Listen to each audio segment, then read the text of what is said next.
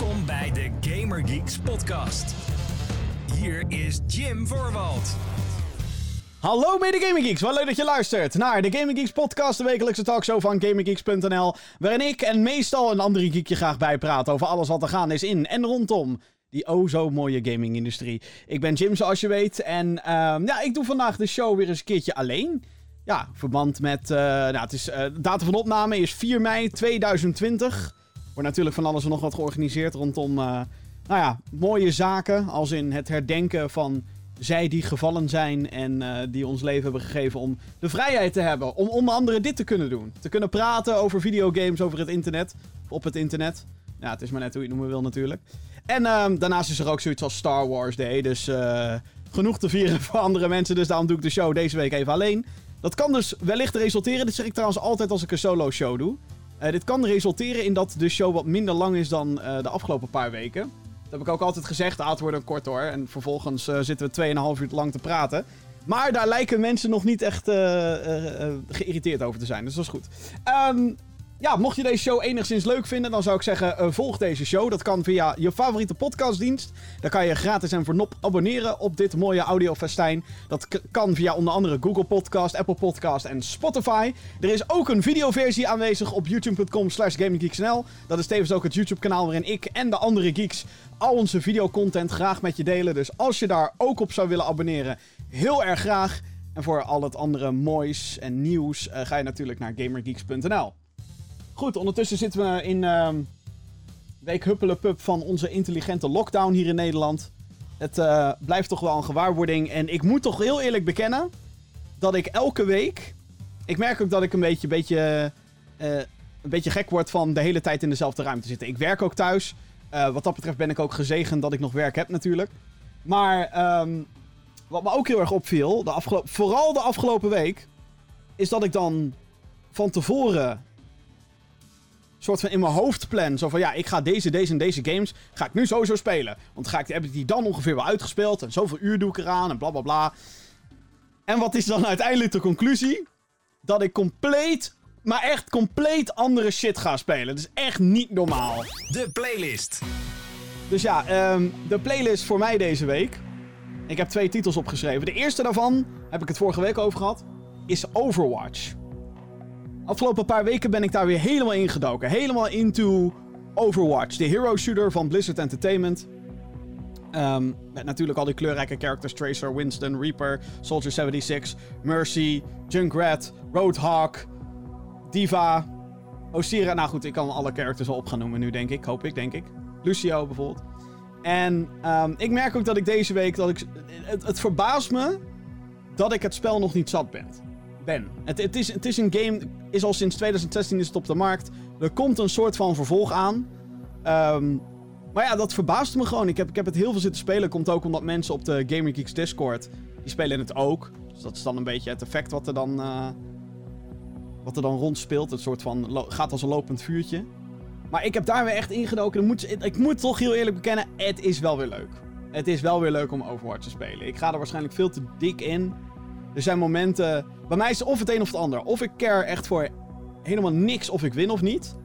Of ik duik er helemaal in en dan moet ik winnen. Maar als ik dan verlies, dan zijn er rapen gaar. Dan, dan, nou ja, goed. Dan willen er nog wel eens objecten door de kamer heen vliegen als, als dat gebeurt.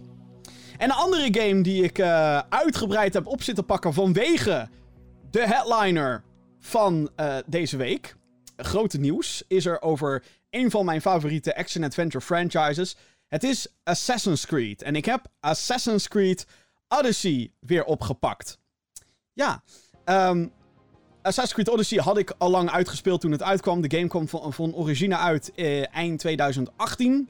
Het is een action-adventure game, open world, RPG-elementen in het oude Griekenland. Dit is een van die games die ik van harte aanraad om te spelen. Um, als je niet op zoek bent naar al te diepgaande gameplay. Het is, het is zeg maar. Het, het is net dat juiste balans van. Er zitten wel mechanieken in die game die het leuk maken. Zoals verschillende wapens. En je kan wapens upgraden. En je hebt armorstukken. Er zit een heel groot verhaal. En allerlei continenten van Griekenland kan je heen. En je kan een soort van bepalen wie bepaalde continenten, wie daar overheerst. Zijn dat uh, uh, Atheniërs of zijn dat de Spartanen? En dat kan je dan uitvechten in een Conquest Battle. Allerlei vette shit. Ga de review checken op gaminggeeks.nl, want hey, ik heb het erover gehad. Maar waar ik het nog nooit over heb gehad, is de DLC die na de game verscheen. Ubisoft, de uitgever van de game, uh, doet altijd aan, aan DLC-stukken. En uh, vorige week ben ik er al een beetje aan begonnen aan DLC stuk 1. Dat was een, uh, eigenlijk een soort van extensie van het verhaal van Assassin's Creed Odyssey. Um, waarin je ook wat nieuwe characters ontmoet en bla bla bla. Ik ben deze week begonnen aan het tweede DLC-stuk. En dat is Assassin's Creed Odyssey: The Fate of Atlantis. Nou, Atlantis klinkt natuurlijk super natuurlijk. En wat ik hier heel tof aan vind, aan deze DLC, is dat het echt weer een uitdaging biedt in de game. Ik heb iets van 120 uur gestoken in Assassin's Creed Odyssey, plus de originele, of de, het eerste stuk DLC, om het maar zo te noemen. En na die 120 uur heb je de game wel door. Dan denk je wel, oké, ik ga weer naar locatie X, want daar moet ik iemand redden, of ik moet daar iemand vermoorden, of ik moet daar een object pakken. Dat zijn altijd de drie mission objectives. En vaak in een iets wat andere context. Maar meestal komt het daarop neer. En ik ga daarheen en ik slag ze allemaal verrot. Want ik ben level, weet ik het wat, level 65. En ik ben overpowered. En ik heb overpowered gear en bla bla bla bla. Ik dacht, nee, prima. En die hele Griekse setting ken je na 120 uur wel. Wat de Fate of Atlantis DLC doet, is dat dit de principes van de originele game pakt. En dat eigenlijk nog gekker maakt. Dus het, het maakt het um, in de meest letterlijke zin van het woord supernatuurlijk. Dus je bent ineens in een of andere uh, uh, realm of the gods ben je terechtgekomen. En Hermes praat tegen je. En Persephone is daar. En Adonis is er. Wat natuurlijk ook een, een mythologisch figuur is. Um, en, en hoe dit dan kan, wordt allemaal uitgelegd in het plot. Ga ik niet al te veel over spoilen. Maar je komt dus echt terecht in, van die, in zo'n soort droomwereld van Griekenland. Of hoe ze dan denken dat het paradijs eruit ziet. Met daarbij soldaten die ineens superkrachten hebben. En toen ik begon met spelen, de DLC dan. Het eerste wat er meteen gebeurt, na een stuk verhaal, is dat je tegen een groep van nieuwe vijanden wordt je gedropt. En deze soldaten kunnen ineens allemaal gekke powers doen, waarvan je denkt, wat? Als Assassin's Creed Odyssey speler denk je, wat? Wacht even, wat? Vervolgens wilde ik zo'n kampje doen en ik ging veel te zeker van mijn zaak. Ging met mijn hoofd gewoon zo'n kampje binnenrennen. Kom maar op jongens, kom maar. En ik werd kapot gemaakt. Waardoor ik. Het is bijna iets dat, wat, wat verboden is, zou je denken. Waardoor ik geneigd was om weer stealth te gaan gebruiken. Assassin's Creed begon echt als een open world stealth game in plaats van action adventure. Nu is het echt een soort actie-RPG geworden. Um, en Odyssey is dat zeker ook. Maar voor het eerst wist deze game een element te introduceren. Dat je gestraft wordt als je geen stealth gebruikt. Als je het niet stiekem doet allemaal. Dus wat er is in, in, in die basissen zijn, zijn standbeelden en op het moment dat een vijand zich bewust is dat jij de Boeddha komt infiltreren. Of dat ze zeg maar een, een alert status hebben.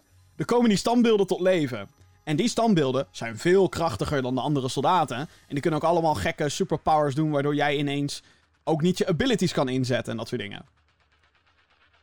En dit vond ik zo vet. Dit, dit vond ik echt te gek. Ik had zoiets van: wauw, dit brengt echt weer een hele nieuwe dimensie aan aan dit spel. Want hè, hè, ik word weer eens gedwongen om stealth te gebruiken, omdat ik anders ingemaakt word. Ik werd ook echt elke keer als ik tegen een groep ging vechten, werd ik kapot gemaakt.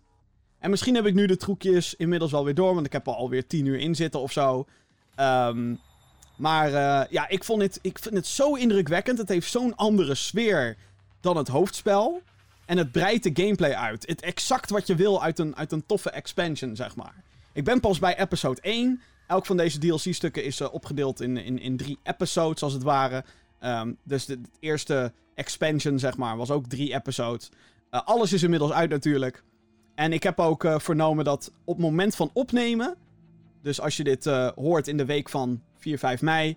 Dan is de kans groot dat Assassin's Creed Odyssey nog in de aanbieding is. Of je het nou met of zonder DLC speelt trouwens. Dit is voor mij zo'n quarantaine game dit is echt. Hier kan je uren insteken. En je kan het chill spelen. Je kan lekker langzaam door de Griekse landschappen rijden met je paardje. Of je kan gewoon puur en alleen voor het verhaal gaan. En dan haal je daar ook zeker wel het waar voor je geld halen eruit, denk ik. Ik, uh, ik zit er weer helemaal in. Het, het, was weer typisch Assassin's Creed. Dat ik dacht, ik ga eventjes spelen. En vervolgens ben ik drie uur verder en denk ik, oh shit. Het is half één s'nachts. Misschien moet ik eens naar mijn nest gaan, want hey, morgen weer aan het werk.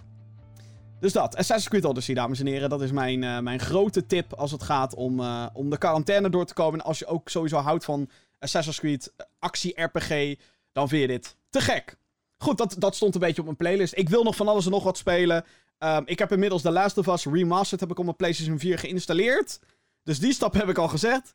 Um, en ja, over The Last of Us gaan we het zeker ook wel hebben. Um, sterker nog... Zometeen in de Gamer Geeks podcast. Er is weer veel meer nieuws waar we de rest van deze show mee kunnen gaan vullen. Jij en ik dan natuurlijk, hallo. Uh, zoals nieuwe next-gen games die worden aankomende week vertoond. Maar welke? Ik heb een paar suggesties voor je. En ook wie dat gaat vertonen, ga ik je vertellen.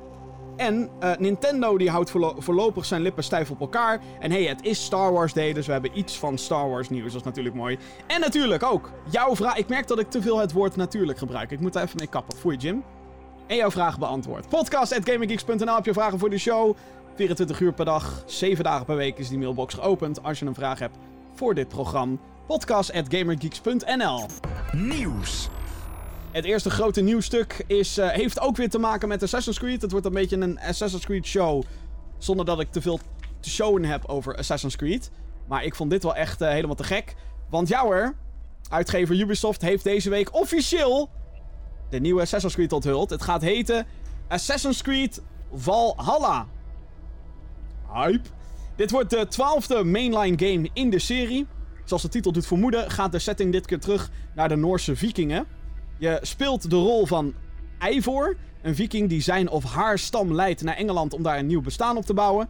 Zoals in de voorganger, Assassin's Creed Odyssey, waar ik het net over heb gehad, kan je dus zelf bepalen welk geslacht jouw hoofdpersonage is. Er is ook gesproken over het opbouwen van je eigen dorp, dat je daar gebouwtjes kan aanpassen en kan upgraden, etc. Naast de open world actie van de vorige delen uh, zijn er ook zijactiviteiten te doen, zoals vissen en viking rap battles. Dit schijnt een oude traditie te zijn dat uh, in rijm elkaar een beetje gingen uitschelden, een beetje gingen uitdagen. Nou, ja, rap battles. Verder wordt het combat systeem aangepast. De game zal niet meer het strikte level systeem bevatten, maar iets wat andere progressie. Een feature die wordt uitgelicht is het dual wielden. In elke hand kan je elk wapen gebruiken die je maar wilt. Ook twee schilden zijn hierbij een mogelijkheid. Dat vond ik heel grappig. Voor de game is er enkel nog een cinematic trailer getoond die um, naar vele gameplay-elementen hint, zoals het raiden van andere dorpen, het gebruiken van een raaf om te scouten en de terugkeer van de Hidden Blade, wat een oud assassin-wapen is in de lore van de game. Daadwerkelijke gameplay wordt getoond in de aankomende Inside Xbox stream, waar we het zo meteen oh, meer uitgebreid over gaan hebben. Assassin's Creed Valhalla verschijnt dit najaar voor PC, PlayStation 4, PlayStation 5, Xbox One, Xbox Series X en Stadia. Spelers die de Xbox One versie kopen kunnen deze later gratis upgraden naar een Xbox Series X versie. Daarmee maakt Ubisoft gebruik van het Smart Delivery programma van Xbox, wat inhoudt dat ongeacht welke versie uh, van de game je koopt, het wordt altijd geupgrade of gedowngrade als je weer terug gaat naar Xbox One. Uh, uh, ja, op basis van op welk apparaat je speelt. Dus Xbox One of Xbox Series X. Wat heel mooi is. Dus ja, Assassin's Creed Valhalla is een cross-gen game, zoals we dat dan zeggen. Het komt uit op de huidige consoles en natuurlijk op de nieuwe. Um, nou, laat ik dit vooropstellen. Aan de ene kant uh, wil de kritische Jim wil zeggen... Weet je, het is maar een cinematic trailer. Niks van wat we hebben gezien is echt. Weet je wel, ik, ik, ik ben ook altijd in de veronderstelling dat als ze op een E3 uh, bijvoorbeeld alleen maar cinematic trailers laten zien, dat ik denk, whatever, I don't care. Want iedereen, bij wijze van natuurlijk, kan een mooi filmpje in elkaar zetten of in elkaar laten zetten. En dan vervolgens zoiets hebben van, kijk eens hoe vet deze game misschien gaat worden. Maar dan blijft het een soort van concept en niet het bewijs van het concept. Weet je wel, we willen, we willen zien wat er allemaal gaat gebeuren. En we willen zien hoe het speelt. En ik wil al, ja. Maar dat gaat dus nog wel gebeuren. En um, ja, voor mij is het wel. Ik, ik was die trailer aan het kijken en ik had het gezien. En daarna ging ik hem nog een keer kijken en nog een keer. En toen dacht ik. Het is eigenlijk wel echt heel erg vet. Gewoon. Het, het, is het allemaal nog de roots van Assassin's Creed? Zou ik weer willen dat Assassin's Creed meer stealth werd? Ja, ook. Maar ik vind ook deze setting wel wel dope. En ik vond Odyssey vond ik heel tof. Uh, Origins vond ik heel vet. En ja, het lijkt erop alsof deze game echt ja, wel weer gewoon heel tof gaat worden. En, en weet wat, wat, wat tof is aan Odyssey. En weet wat tof is aan Origins. Althans, als ik het commentaar hoor. En, en als ik uh, um, de, de, developers hoor over wat er allemaal in deze game gaat zitten. Uh, het is wel iets wat misschien iets te ambitieus. Um, ik had een artikel gelezen dat 15 studio's aan deze game werken. 15. 15 motherfucking studio's. Laat ik dit zeggen. Dat is veel te veel. ik snap het, het is een ambitieuze game. Het is heel groot. En het moet natuurlijk oh, oh, groot worden. En, oh, weet je wel. Uh. Maar 15 studio's. En ik weet het, de ene studio kan dan alleen maar een character model in elkaar zetten. En dan kan een andere studio kan weer werken aan, aan uh, weet ik veel, aan, aan, aan kistjes.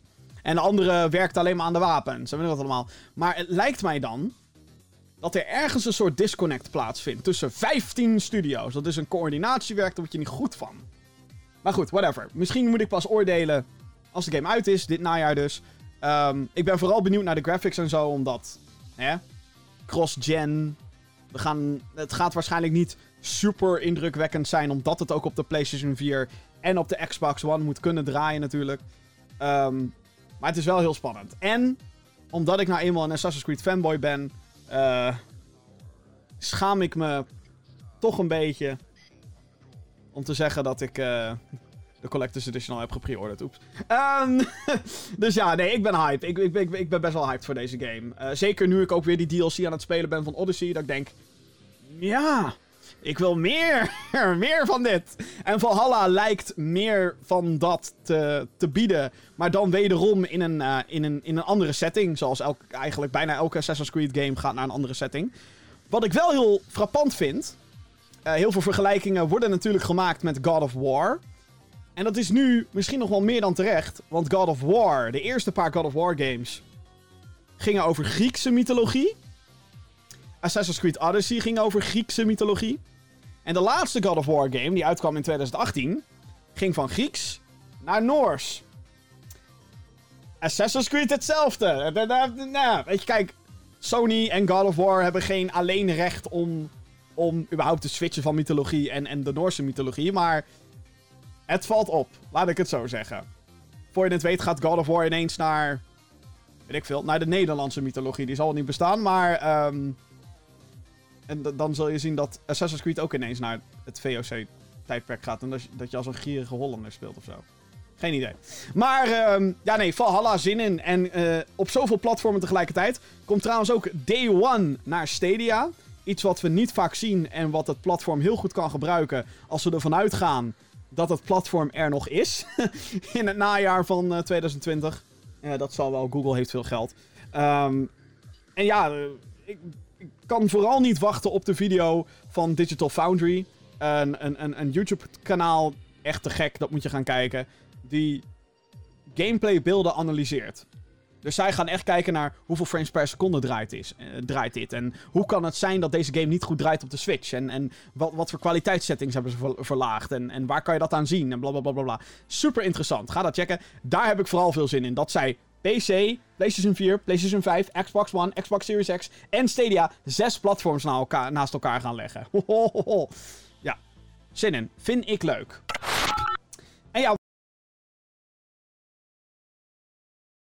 Microsoft slash Xbox uh, deze week naar buiten bracht. En dit vond ik heel erg spannend.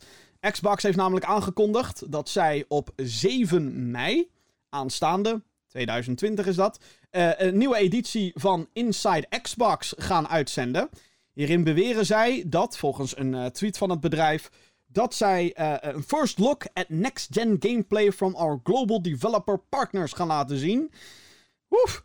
Wat het dus gaat inhouden is dat we games te zien gaan krijgen van derde partijen die, die op Xbox Series X, de nieuwe console, gaan verschijnen. Wie wacht op nieuws van Xbox zijn eigen titels, zoals Halo Infinite, die moet nog wat langer wachten. Want uh, dit willen zij een andere keer gaan doen. Dat zal later in de zomer zal dat gaan plaatsvinden. Dus geen Halo Infinite, geen Gears, whatever. Geen Perfect Dark waar geruchten over zijn. Maar alleen games van derde partijen, zoals een Ubisoft. Een game die al bevestigd is, is, uh, is dus uh, Assassin's Creed Valhalla. Daar krijgen we de first world premiere gameplay van te zien. Hoe het draait op Xbox Series X. Of althans, wat de visie is. Hoe het draait op Xbox Series X dit najaar. Um, ja, ik vind het super spannend. Uh, vooral de aanpak van Xbox vind ik hierin ook ja, inter interessant. Um, dat zij de moeite nemen om uh, vooral ook de spotlight te geven aan de derde partijen.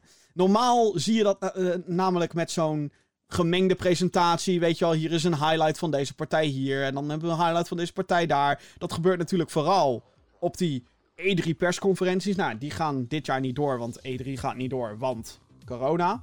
Hm. Ik neem even een slokje hoor.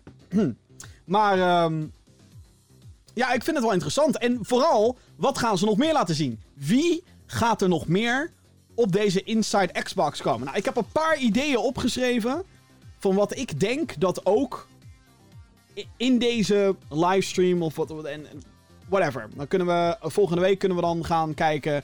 Jim had gelijk. Jim had het helemaal fout. Waarschijnlijk zit ik er keihard naast. Neem alles wat ik nu ga zeggen met een gigantische korrel zout, want dit komt alleen maar vanuit mijn eigen assumptie. Dit is, mijn eigen aanname, is dit. Ik heb drie games opgeschreven. De eerste is Watch Dogs Legion. Uh, deze is ook van Ubisoft, partij achter Assassin's Creed.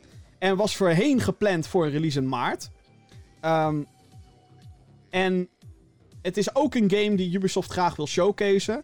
Die denk ik ook het meeste af is van alle andere games die zij in de maak hebben. Alhoewel we weten natuurlijk niet exact wat ze allemaal in ontwikkeling hebben. Niet alles, maar de meeste projecten weten we wel. We weten dat Ubisoft uh, bezig is aan Beyond Good and Evil 2. Nou, ze hebben al gezegd, dat gaat dit jaar zeker niet uitkomen. Dat gaat nog lang duren. Skull and Bones, een piratengame. Multiplayer, of nou, piratengame. Een piratenschepen game, moet ik eerder zeggen. Uh, waarin je ook tegen andere spelers kan schieten op piratenschepen. Yoho, yoho. Um, die, is ook, die komt ook pas 2021, hopelijk ergens misschien. Um, en alle andere games zouden eerst in het eerste kwartaal van dit jaar uitkomen. Zoals Gods and Monsters en Rainbow Six Quarantine en Watch Dogs Legion. Maar die werden allemaal uitgesteld. En dat uitstel kwam niet als een verrassing, want we hadden nog heel weinig gezien van die games.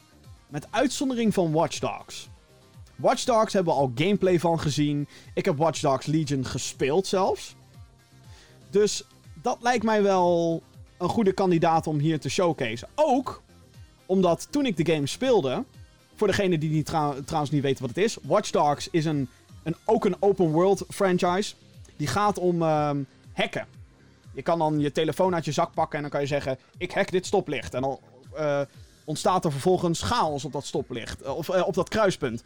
Auto's crashen op elkaar in. Je kan lichten hacken. Je kan camera's hacken. Nou, het is best wel een tof concept. Um, en dit wordt dan het derde deel. En wat tof is aan dit derde deel is dat iedereen lid kan worden van jouw hackersclubje. Dus je kan elk character in de wereld kan jij recruiten. Waardoor je bijvoorbeeld een leger aan oma-hackers kan hebben.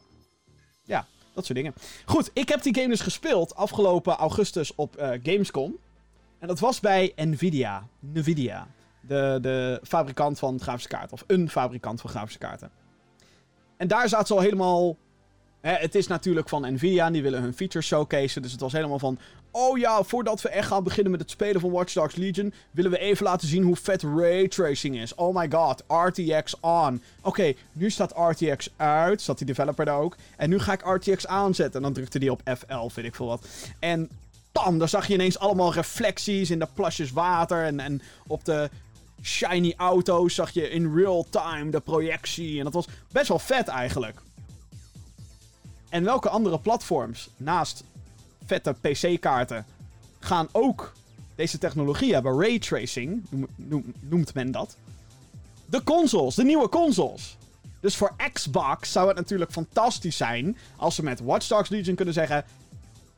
En Watch Dogs Legion, we have real-time ray tracing on Xbox Series X. Komt die executive Phil Spencer, komt dan in die stream. Look at how beautiful this looks with RTX, or sorry, ray tracing on on Xbox Series X. Perfecte titel. Plus, wat ik al zei, van Watch Dogs hebben we meer gehoord. Ik denk dat dit, dat Watch Dogs wel eens de andere titel kan zijn van Ubisoft die dit jaar uitkomt. Naast Assassin's Creed. En dan heb je twee grote titels die ze kunnen showcaseen. Wellicht dat we dan ook een datum krijgen of zo voor één van de twee. Dus of Assassin's Creed of Watch Dogs. Want ja, die data moeten wel komen. Ik vind het trouwens ook opvallend dat Assassin's Creed nog geen datum heeft. Maar het komt waarschijnlijk ook door de situatie waarin de wereld op dit moment is. Dat het nog niet helemaal zeker is waar, ehm, wanneer ze alles exact voor elkaar kunnen krijgen. Optie 2 die ik had, die tijdens deze Inside Xbox stream getoond kan worden, is Dying Light 2. Ehm, dit is een open world zombie game. Vervolg op Dying Light 1, zal je waarschijnlijk niet verbazen. Ik vond die game fantastisch. We hebben er nieuws over trouwens zometeen, dus ik zal er niet al te veel... Uh... Maar ik, ik vind het geweldig.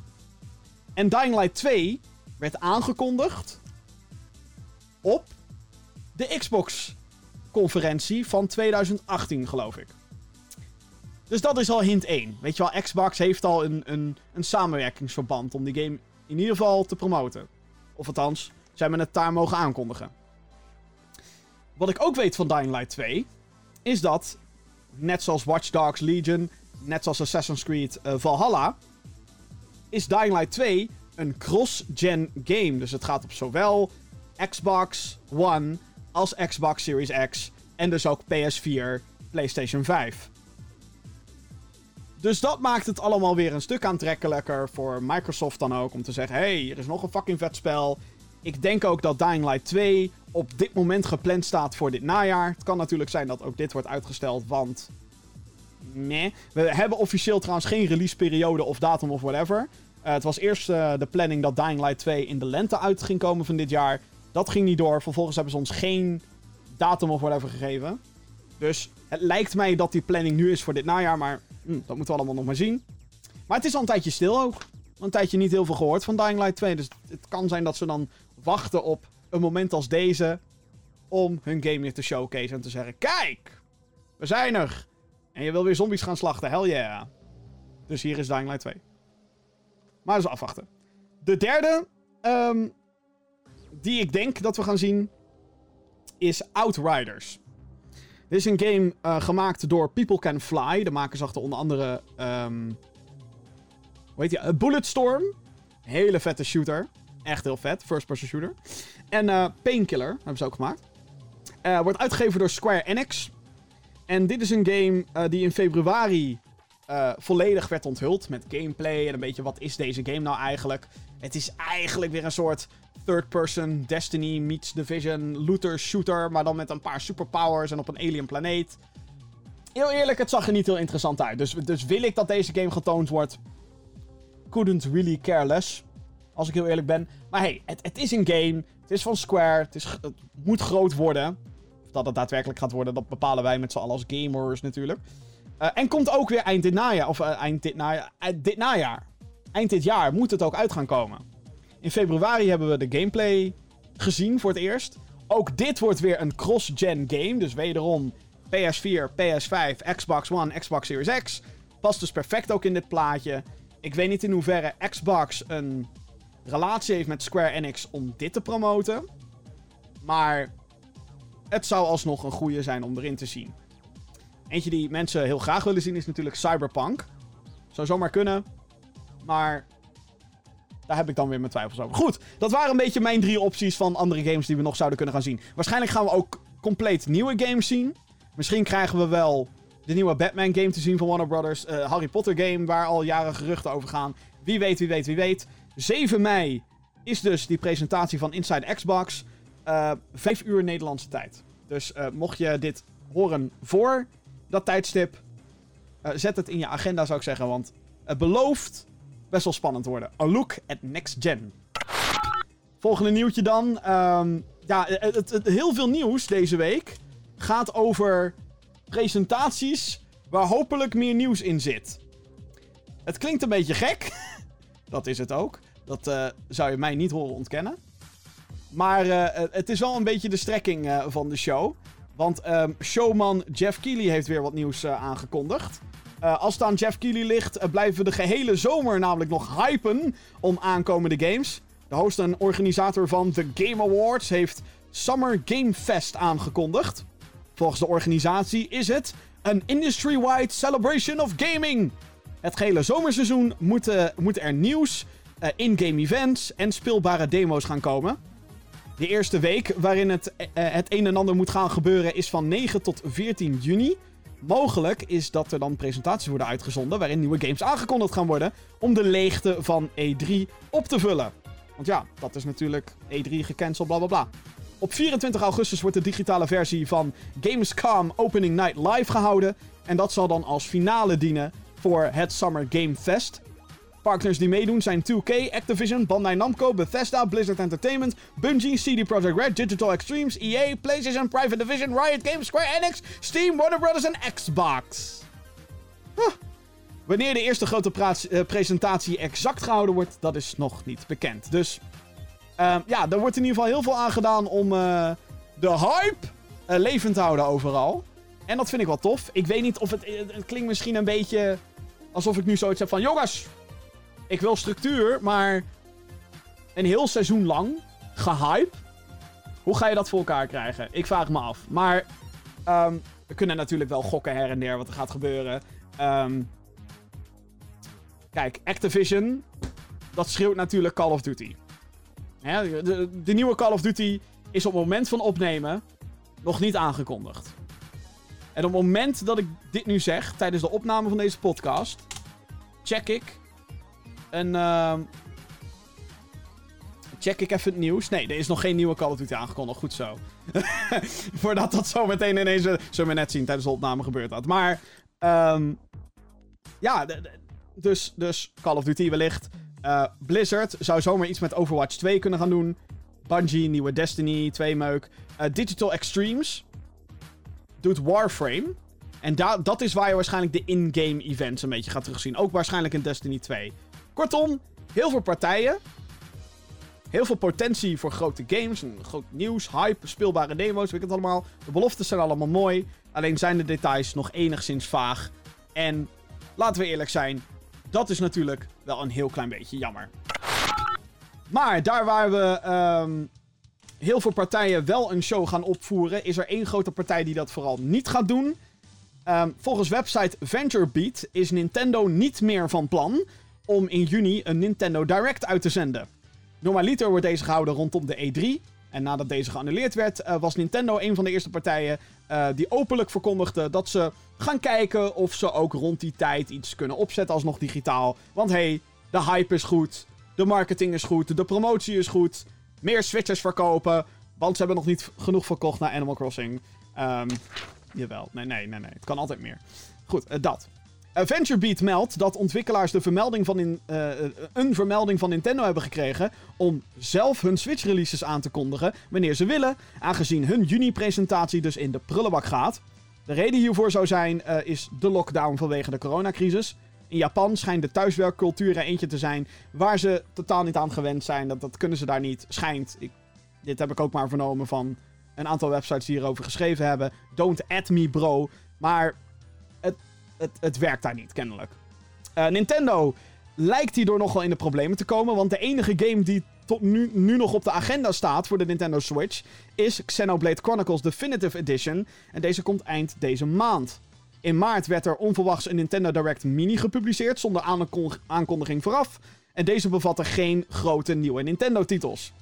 Nu is het niet zo dat Nintendo momenteel niets in de maak heeft voor de Nintendo Switch, ongetwijfeld. Alleen worden de aankondigingen naar later deze zomer uitgesteld. En weten we nog niks. Waar moet. Wat, Nintendo. Kom maar. Weet je, ik bedoel.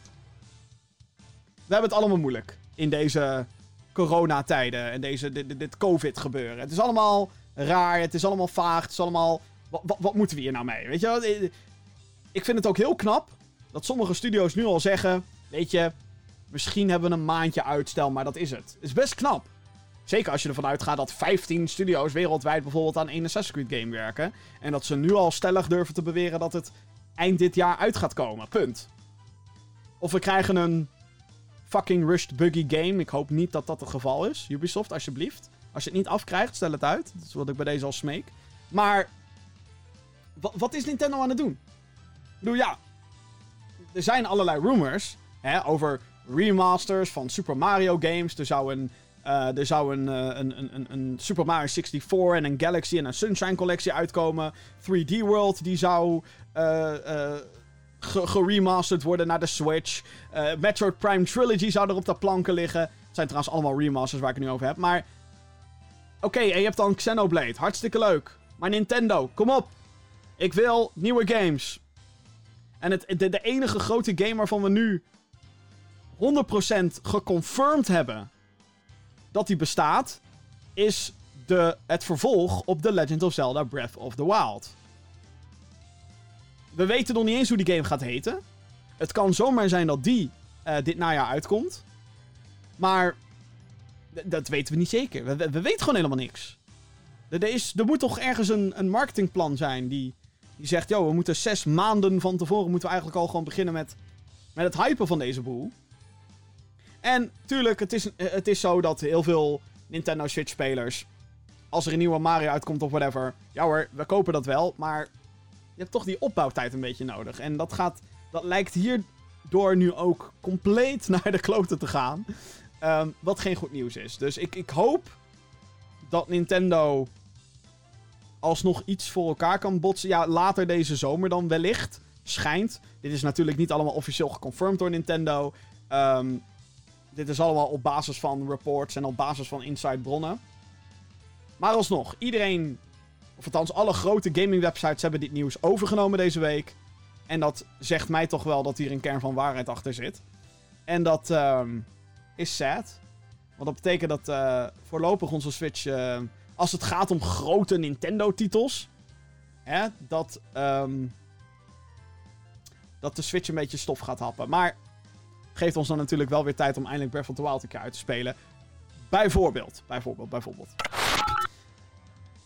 Uh, er is, is, nog een show aangekondigd. We gaan, het we gaan het alleen maar over shows hebben, dames en Nee, dat is niet waar. We gaan het ook gewoon over ander gaming nieuws hebben. Maar we zijn nu toch een beetje in de conferentiemode. Dus er uh, is er vandaag eentje aangekondigd. Uitgever EA heeft namelijk aangekondigd dat zij in de nacht van 12 juni gaan zij um, een live presentatie houden onder de naam EA Play Live. EA Play is normaal gezien het evenement die de partij organiseert vlak voor de E3. Zij zijn eigenlijk soort van weggegaan bij de E3 en zeiden: oh, we doen ons eigen ding wel. Ook in Los Angeles. En vlak voordat E3 begint. Haha, bitches. Dus dan doen ze soort van mee, maar ook weer niet. Heel slim van ze. Anyway, um, het lijkt nu te gaan om een persconferentie waarin zij hun nieuws willen gaan brengen. Want hey, wat gaat EA eigenlijk allemaal doen? Behalve FIFA en Madden. Want dat ze, dat, ze dat gaan doen, dat lijkt me vrij duidelijk. Want dat levert geld op. EA staat verder bekend om franchises zoals, uh, nou, FIFA, zei ik al. Battlefield, The Sims, Apex Legends, Titanfall, Need for Speed en vele andere. Ook hebben zij sinds 2013 natuurlijk de exclusieve rechten om Star Wars games te produceren voor console en PC. De presentatie zal gehouden worden om 1 uur s'nachts. Dat is dus de avond van 11 juni. Maar technisch gezien is het dan 12 juni. Dus 11 op 12 juni, 1 uur s'nachts. Weer lekker. Eh, dat geeft bij mij wel weer een beetje dat E3-gevoel weer. Dat we super laat moeten opblijven om, uh, om überhaupt uh, iets mee te kunnen krijgen van het laatste gaming nieuws. Ik vind dat wel weer wat hebben. Ik, weet je, EA heeft nooit de sterkste presentaties. Al is het alleen maar omdat je door die saaie bullshit van fucking FIFA en zo heen moet. Maar ik neem het voor lief vaak. Ja, zoiets van, oké. Maar kom dan maar met een echt vette aankondiging. En het is ook oh, oh, vaak een leuke conferentie om tegen te ragen. Dat je denkt, dit is waar jullie mee komen, verdomme. Is dit het? En wie weet komen ze al met een verrassing. Ze hebben eerder gezegd dat zij um, oudere franchises willen terugbrengen. Nu komt er op 5 juni al een Command Conquer Remastered Collection. Ziet er heel vet uit. Ontzettend veel toffe features zitten er in die remaster. Het is echt dat je merkt... Deze mensen houden van Command Conquer en, en, en willen deze remaster zo, zo goed mogelijk doen. Kost ook maar 20 euro. Geen 60 euro bullshit. Gewoon 20 euro op PC. Ah, love it. Maar wat kunnen ze nog meer gaan terugbrengen? Zijn ze zo gek om, weet ik veel, Mirror's Edge weer uit de kast te halen? Misschien gaan ze Dragon Age 4 wel laten zien. Misschien wel, zet u schrap, Anthem 2.0, die ook nog steeds in de maak is. Ik weet het niet. Maar ik zou het ook wel tof vinden als we uit het niets, of althans, hè, er zijn altijd wel rumors over nieuwe Star Wars games, maar ehm, een nieuwe Star Wars game die even iets totaal anders doet dan Battlefront en, en Jedi Fallen Order. Ik verwelkom het. Overigens hebben ze ook een update aangekondigd voor Jedi Fallen Order. Ehm, wat vet is. Er komen cosmetics en combat arenas aan en zo. Dus ja, ik heb wel het idee dat EA een beetje op de goede weg terug is. Gek genoeg. Dankzij ehm, hoe zij ehm, Battlefront hebben aangepakt. Battlefront 2 na launch. Dat was een fucking drama. Dat hebben ze nog meer dan twee jaar hebben ze dat doorontwikkeld. Ze sluiten nu de server. Eh, nee, nee, nee, nee, nee, dat moet ik niet zeggen. Ze houden nu op met nieuwe content maken. De servers blijven online. eh, voorlopig. Eh, en hetzelfde geldt voor Battlefield 5. Maar ja, die games waren al fucked vanaf launch. Dat waren shit launches. En ik denk dat als, die, als beide games, Battlefield 5 en Battlefront 2, daar heb ik het vorige week uitgebreid over gehad, over die twee. Als die meer tijd hadden gehad om gewoon een goede game te zijn bij launch, dan denk ik dat er dat de toekomst van die games nog beter werd dan bijvoorbeeld Battlefront 2. Want als je dat nu speelt, is dat eigenlijk best wel een vette Star Wars game. Ik ben het persoonlijk niet helemaal eens met hoe de mechanics en de balans werkt in die game. Maar oh wel. Je, ik schijn daar minderheid in, te, een minderheid in te zijn, dus whatever. Ik neem het voor lief ook. Dus, en met Jedi Fallen Order hebben ze natuurlijk gezien. Van oh shit, we hebben gewoon een goede single-player Star Wars game gemaakt. Mensen vinden het tof. En het verkoopt heel goed. Het verkoopt boven onze verwachtingen. Het was een goede game. Nou ja, misschien dat ze daar eindelijk een beetje ja, de connectie in gaan zien. Dus, ehm ja, ik hoop, dat, ik hoop dat die boodschap, dat dat er bij hun in zit. Waarschijnlijk komen ze met een nieuwe Need for of zoiets. Of een Burnout. Of, ah, Burnout. Een echte nieuwe Burnout. Dat zou ik dan heel vet vinden. Ja, dat is waarschijnlijk weer wishful thinking wat ik nu aan het doen ben. Maar EA heeft zoveel franchises en dingen die ze kunnen doen. En ehm, ja, de, de mogelijkheden lijken bijna eindeloos. Maar als je aan mij zou moeten vragen, Jim, wat is één ding wat EA moet terugbrengen? Dan. Of ja, meerdere. Ja, ik kan nu meerdere voorbeelden gaan bedenken. Maar ik zou zeggen. Maak een collectie in HD van oude Medal of Honor games. Tweede Wereldoorlog shooters. Ehm, die toen echt te gek waren in begin jaren 2000. Dat was echt te gek. Ik, ik hou van die games nog steeds. Op Gamecube en PlayStation heb ik die eh, twee. Heb ik die helemaal kapot gespeeld, die games. En eh Dead Space. Maak eens een remaster van Dead Space. Gewoon Dead Space op PS4.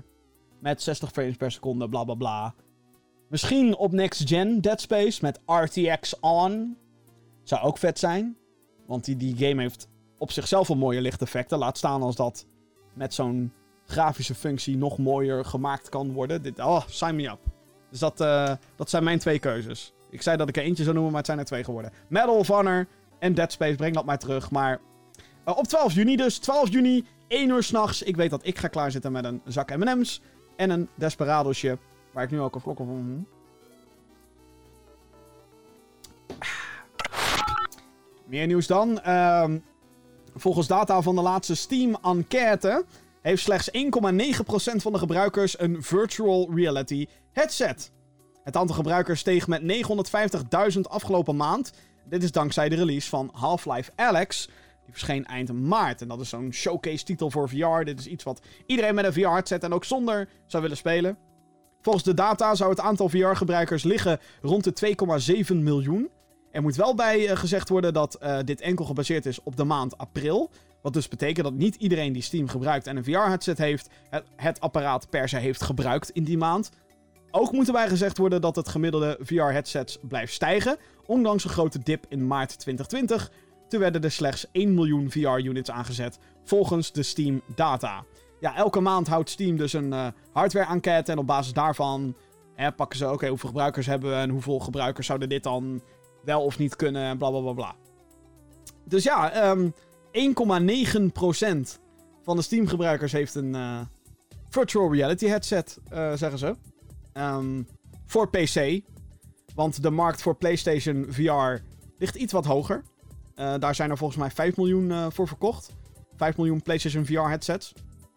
Ja, het, het, is natuurlijk nog niet echt heel veel. Het is nog niet um, om over naar huis te schrijven. Ik, ik, sterker nog, als ik dit soort cijfers zie, dan denk ik ook: holy fuck. En er zijn gewoon ontwikkelaars die zich 100% richten op VR en daar winst uit halen. Blijven knap vinden, want je hebt een hele kleine doelgroep. Nou klinkt 2,7 miljoen, dat, dat zijn veel mensen. Don't get me wrong. Maar in, in het grote plaatje, wat ik al zei, 1,9%. Dat is, ja. Dat, nee, dat is eh, gewoon als je hoopt dat je game gaat verkopen.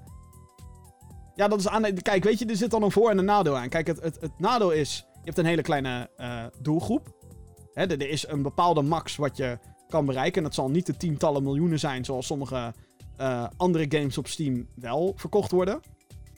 Aan de andere kant, als je met een toffe VR-game komt, dan is de kans ook wel groot dat die door een significant deel van de VR-markt uh, wordt opgepakt. En dat ze zeggen: hey, check dit.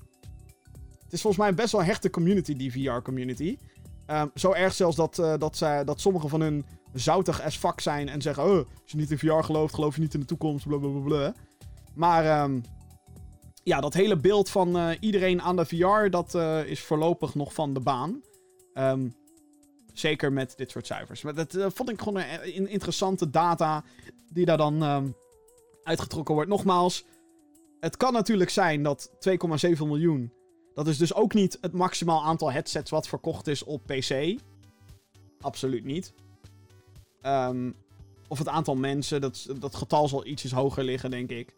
Um, ik denk wel dat we er bijna vanuit kunnen gaan dat iedereen die zo'n headset heeft voor PC.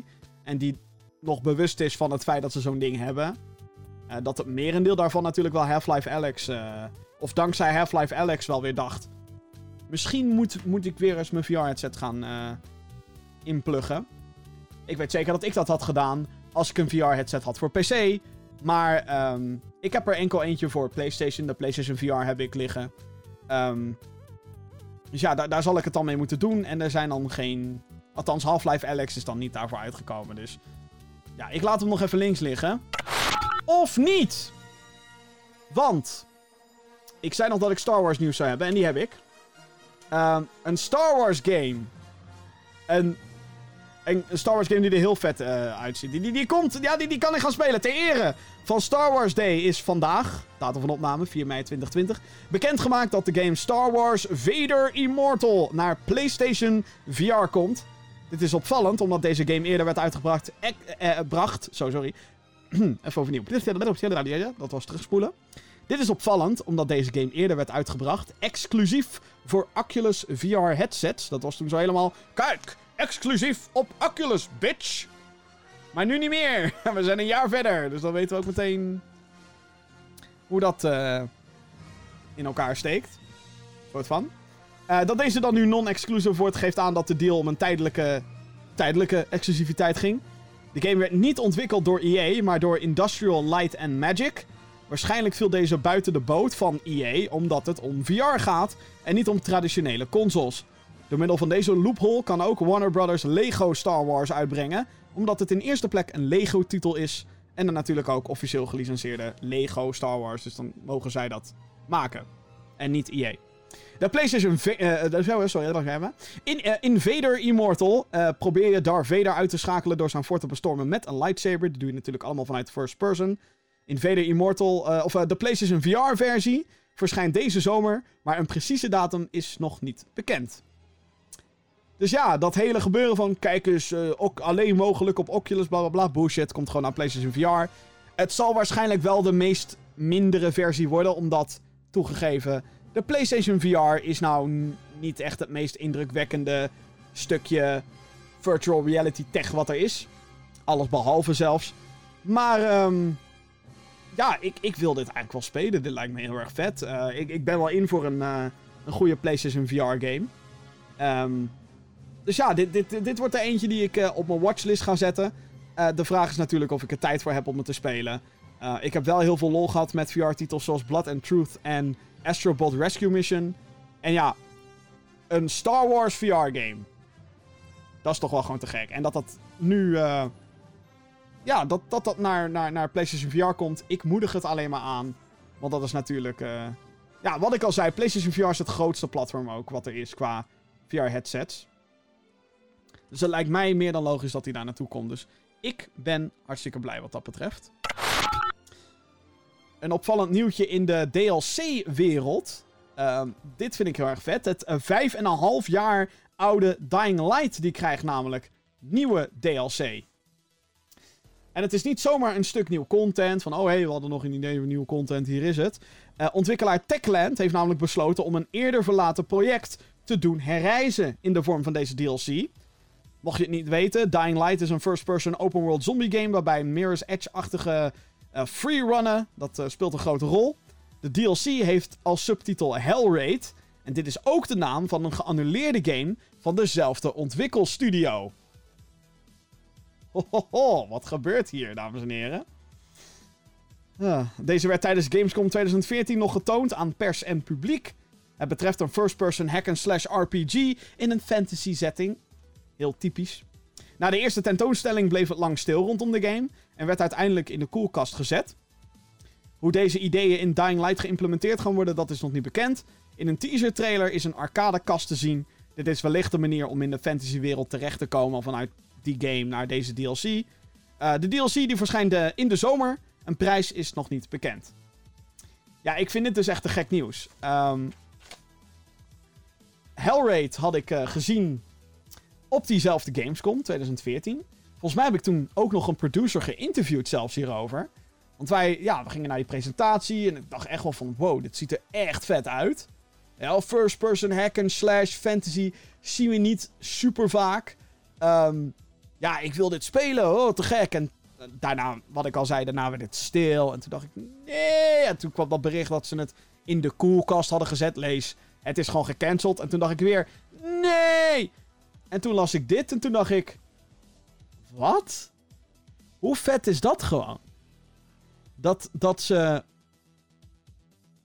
En het is natuurlijk ook een kwestie van keuzes maken. Kijk, je zou denken, maak gewoon die game. Hellraid. Ja, dan kan, kan je best wel veel geld mee verdienen, toch? Aan de andere kant kan je natuurlijk denken: hey, we hebben Dying Light. Een, een, een hele goede blauwdruk van een, hè, van een goede game. Die al heel veel elementen heeft die ook in Hellraid zouden zitten. Zoals dat hack and slash en best wel tof. Uh, hè? Er zitten ook guns in, in, in Dying Light. Dus dat kan je dan weer vervangen door vuurballen gooien of zo, weet ik veel. En zombies. Nou, skeletten, niet ver uit de buurt ligt dat van elkaar, hè? Fantasy. Dus ja, dat ze dan alsnog van die ideeën gebruik gaan maken om een DLC te bouwen voor Dying Light, vind ik te gek. En ook dat, wat ik al zei, Dying Light kwam uit in 2015, januari 2015. Die game is 5,5 jaar oud en nog steeds spelen heel veel mensen het. Het is als een klapper is het verkocht. En elke keer als er weer een Steam sale is, dan wordt Dying Light weer heel veel verkocht het is ook een solide game. Het is een van die games die ik aanraad. Zo'n, ja, nee, ja, moet je spelen joh. Is leuk. Zeker op PC. Uh, je hebt ook allerlei DLC, heb je al. En dan, dit stuk DLC, dat spreekt mij dan nog wat meer aan. Omdat ze gewoon zo, gewoon out of context gaan bijna. Dat het gewoon wat te gek is. Het is een beetje de Blood Dragon voor, voor Dying Light. En dat, uh, ja, dat, dit kan wel echt te gek gaan worden. Ik heb hier heel veel zin in. Ik kan niet wachten totdat er meer info is. Um, en ja, Dying Light 2 komt er natuurlijk ook nog steeds aan. Dit zou ook echt... Dit is zo briljant eigenlijk op heel veel fronten. Zeker als Dying Light 2 dit najaar uitkomt. Heb je in de zomer heb je deze hè, marketing push. En hey, we spelen allemaal weer Dying Light. Onder andere dankzij die gekke DLC. Nou, kan niet wachten op 2. Nou, hé hey, jongens, nog maar een paar maanden. Dan komt deel 2. Dat zou, als dat allemaal zo uitkomt, zou dat te gek zijn. Um, maar ja, ik, ik, heb, ik heb hier zin in. Ik vind het te gek. Dit is zo'n... Oh, dankjewel, Techland momentje. Sony, die uh, ligt onder vuur. Het is algemeen bekend, dames en heren. En het liefste wil ik het hier eigenlijk niet over hebben.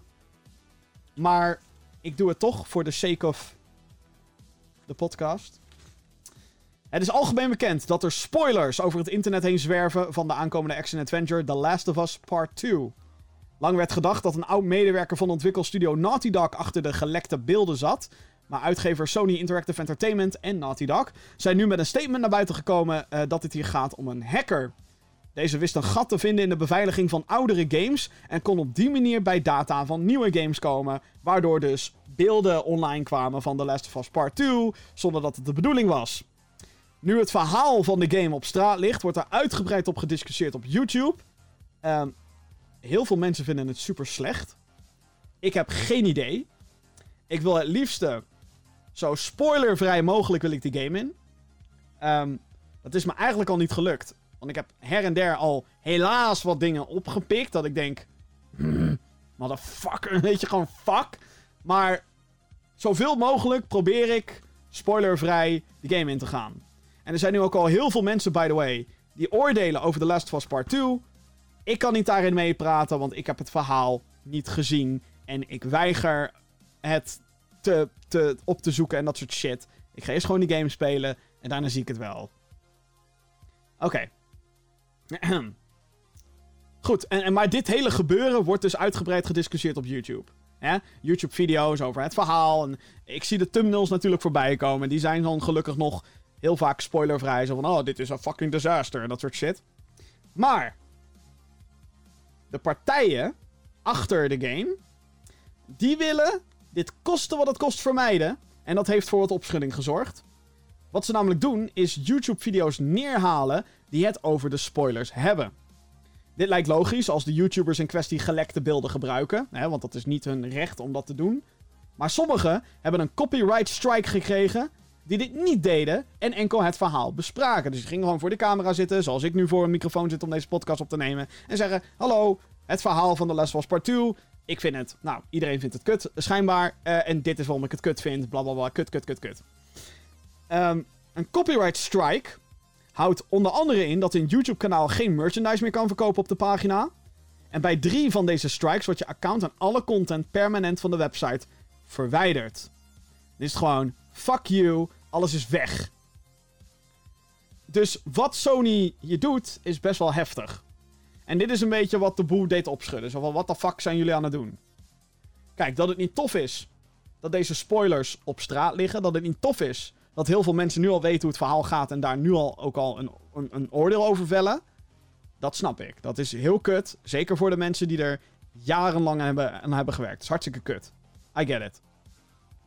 Maar dat zij dan nu video's gaan neerhalen die eigenlijk op geen enkele manier copyright schenden met een copyright strike is fucking bullshit. Als ik hier wil, als ik hier in deze podcast anderhalf uur wil gaan zeiken over hoe de Rise of Skywalker shit is vanwege zijn kutplot. Dan vind ik niet dat Disney het recht zou kunnen moeten hebben om dat neer te halen. Ook al heb ik de film twee weken gezien voordat hij uitkwam. Weet je wel, dat is nogmaals, dat zou ook kut zijn voor de makers, bla bla bla. Maar. En verhaal speelt natuurlijk het ligt eraan welke game je natuurlijk pakt. Maar over het algemeen is vertellen wat er in het verhaal gebeurt. is basically de hele film vertellen. En bij een game is dat toch net wat lastiger. Al is het alleen maar omdat je het daar hebt over veel meer uren aan content gemiddeld dan een film. Maar alsnog, uh, dat Sony en Naughty Dog dit doen is natuurlijk fucking bullshit. En dat moet je niet doen. Nogmaals, als er, als er beelden gebruikt worden, alle rechten. Whatever. Je wilt niet dat die beelden nog. Mag niet, mag niet. Gewoon, nee. Snap ik. Maar gewoon praten erover. Bedoel, ja, het is. Je verspreidt natuurlijk de spoilers op die manier. Dat is niet leuk. Um, ook voor mensen zoals mij niet. Want ik heb echt. Ik, heb, ik vrees hiervoor. Ja, dit is alsof ik een, een, een seizoensfinale van Game of Thrones gemist heb. Al, al, al een maand. En dat, dat ik dat probeer te vermijden. Nou, het is alsof je naar buiten gaat, gaat, gaat lopen en de regen gaat proberen te, te, te, te dodgen. Dat gaat je niet lukken. Dus ik, ik, het, lukt me tot dusver goed. Ik heb een parapluutje boven mijn hoofd. Schijnt. Maar. Weet je, ook voor mensen zoals mij is het gewoon kut dat dit gebeurt. En weet je, als, als video's dan duidelijk zeggen: spoilers, les was part 2, we gaan er nu over discussiëren, whatever, ik vermijd die video. En dat weten de makers van die YouTube-video's ook. Maar dat je ze gaat neerhalen omdat ze het erover hebben. Fuck off, Sony. Fuck off. Ga alsjeblieft wat nuttigers doen met je tijd. Want dit is echt... Ga anders je fucking beveiliging verbeteren of zo, dat dit niet meer gebeurt. Dank u. Laatste nieuwtje van uh, deze week. Uh, gratis games. Yay! Er is namelijk weer een nieuwe maand. Is er. En dus ook weer nieuwe games als je geabonneerd bent op een online dienst van een console. Uh, je nieuwe gratis games die kan je downloaden. of gewoon toevoegen aan je digitale bibliotheek. Dat laatste dat is altijd een aanrader om te doen. Ook al ben je niet van plan om nu de games te spelen. Je weet maar nooit. Misschien heb je over zes maanden zoiets van... Oh, deze game lijkt me leuk. Ja, die was zes maanden geleden gratis. Oh, kut, die had ik moeten claimen. Denk je dan, oh, kut, Jim, waarom, waarom heb je dat niet gezegd? Dan zeg ik, haha, maar ik heb het wel gezegd. Dus hou je back en doe het! Gewoon die games claimen als je geabonneerd bent. Want je hebt immers recht op, dames en heren. PlayStation 4 bezitters met een PlayStation Plus abonnement kunnen deze maand voor nop aan de slag met uh, City Skylines. Dat is een city builder. En ze kunnen het boerenleven gaan opzoeken met Farming Simulator 2019. Leden van Xbox Live Gold kunnen in de Games with Gold lijst deze maand toevoegen. V-Rally 4, Warhammer 40k Inquisitor Martyr, Sensible World of Soccer en Overlord 2. En die laatste is gemaakt door het Nederlandse Triumph Studios. Niet een uh, super boeiende line-up, als we heel eerlijk zijn. Maar hey, het zijn wel weer. Kijk, Overlord 2 is leuk, maar dat is al wat ouder. Zeg wel, Xbox 360 is dat.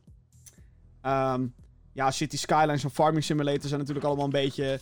Je moet ervan houden games. Hè? Heel, hele specifieke genres en dat soort dingen. Maar um, ja, nou ja, alsnog, weet je. Wat ik al zei, gewoon claimen die boel. Want uh, waarom niet? Heb jij een vraag voor de show? Mail naar podcast.gamergeeks.nl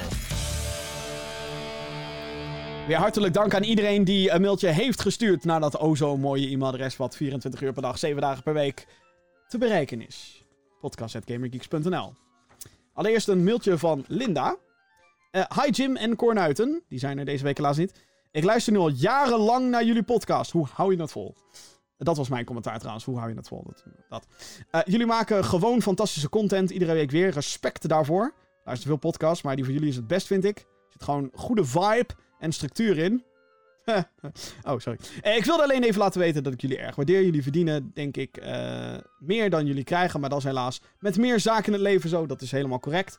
Ik hoop dat jullie nog succesvol, uh, succesvoller worden dan jullie nu al zijn.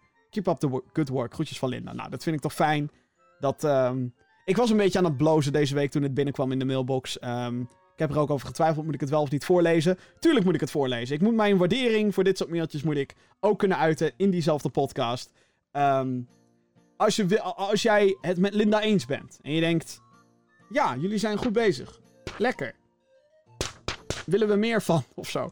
Um, spread the word. Weet je al? Uh, raad mensen deze podcast aan als ze van games houden. Hè, abonneer op de podcastfeeds. Laat een recensie achter op uh, bijvoorbeeld uh, Apple Podcast. Kan je 5 sterren geven. Dan komen we hoger in die ranglijsten. Hoe meer, zielen, hoe meer zielen, hoe meer vreugd. En hoe meer we waarschijnlijk ook dan voor elkaar kunnen krijgen in deze show. Et cetera, et cetera. Dus um, dank je, Linda, voor die... Uh, uh, hoe noem je dat? Voor die motivatie. Voor de motiverende woorden. Dat zijn de woorden die ik zocht. Goed. Volgende mailtje is van Ruben. Hey geeks. Ik keek deze week naar de aankondiging van Assassin's Creed Valhalla. En vond het heel leuk gedaan dat de game langzaam werd gereveeld. Terwijl ze bezig waren met de concept art. Ja, dit, is, uh, dit was heel tof. Op de dag voordat de trailer werd gepubliceerd. Hadden ze een livestream waarin een guy die fucking goed was met Photoshop.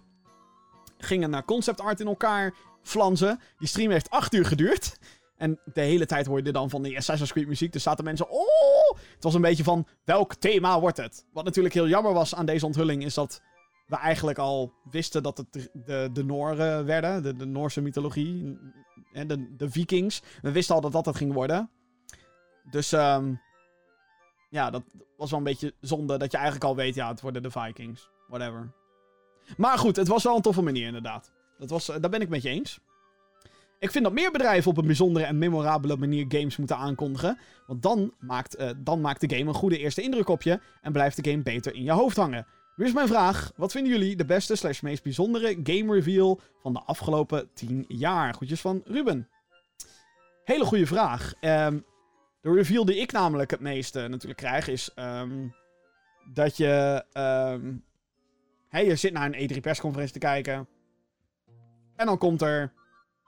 Bam, een of ander. ja, hier, hier is een trailer.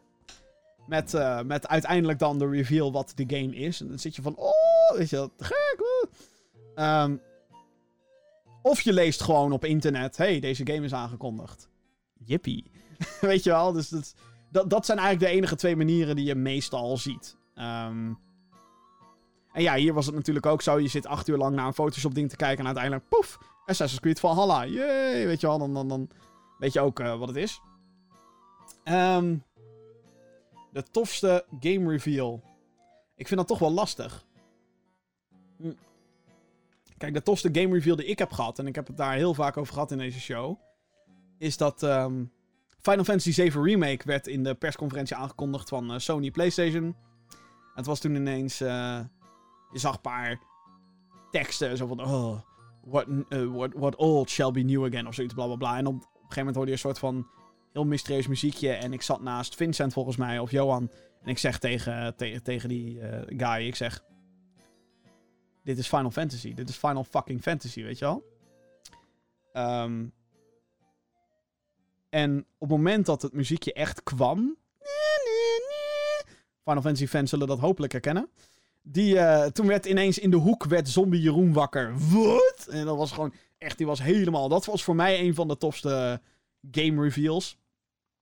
Een andere, waarbij ik echt gewoon...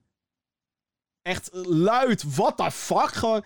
Dat was niet echt een game reveal. Dat was Keanu Reeves in Cyberpunk. Dat was echt, what the fuck? Keanu in Cyberpunk? Het is geen game reveal, maar... Dat je echt denkt, wat? Dat is fucking gruwelijk.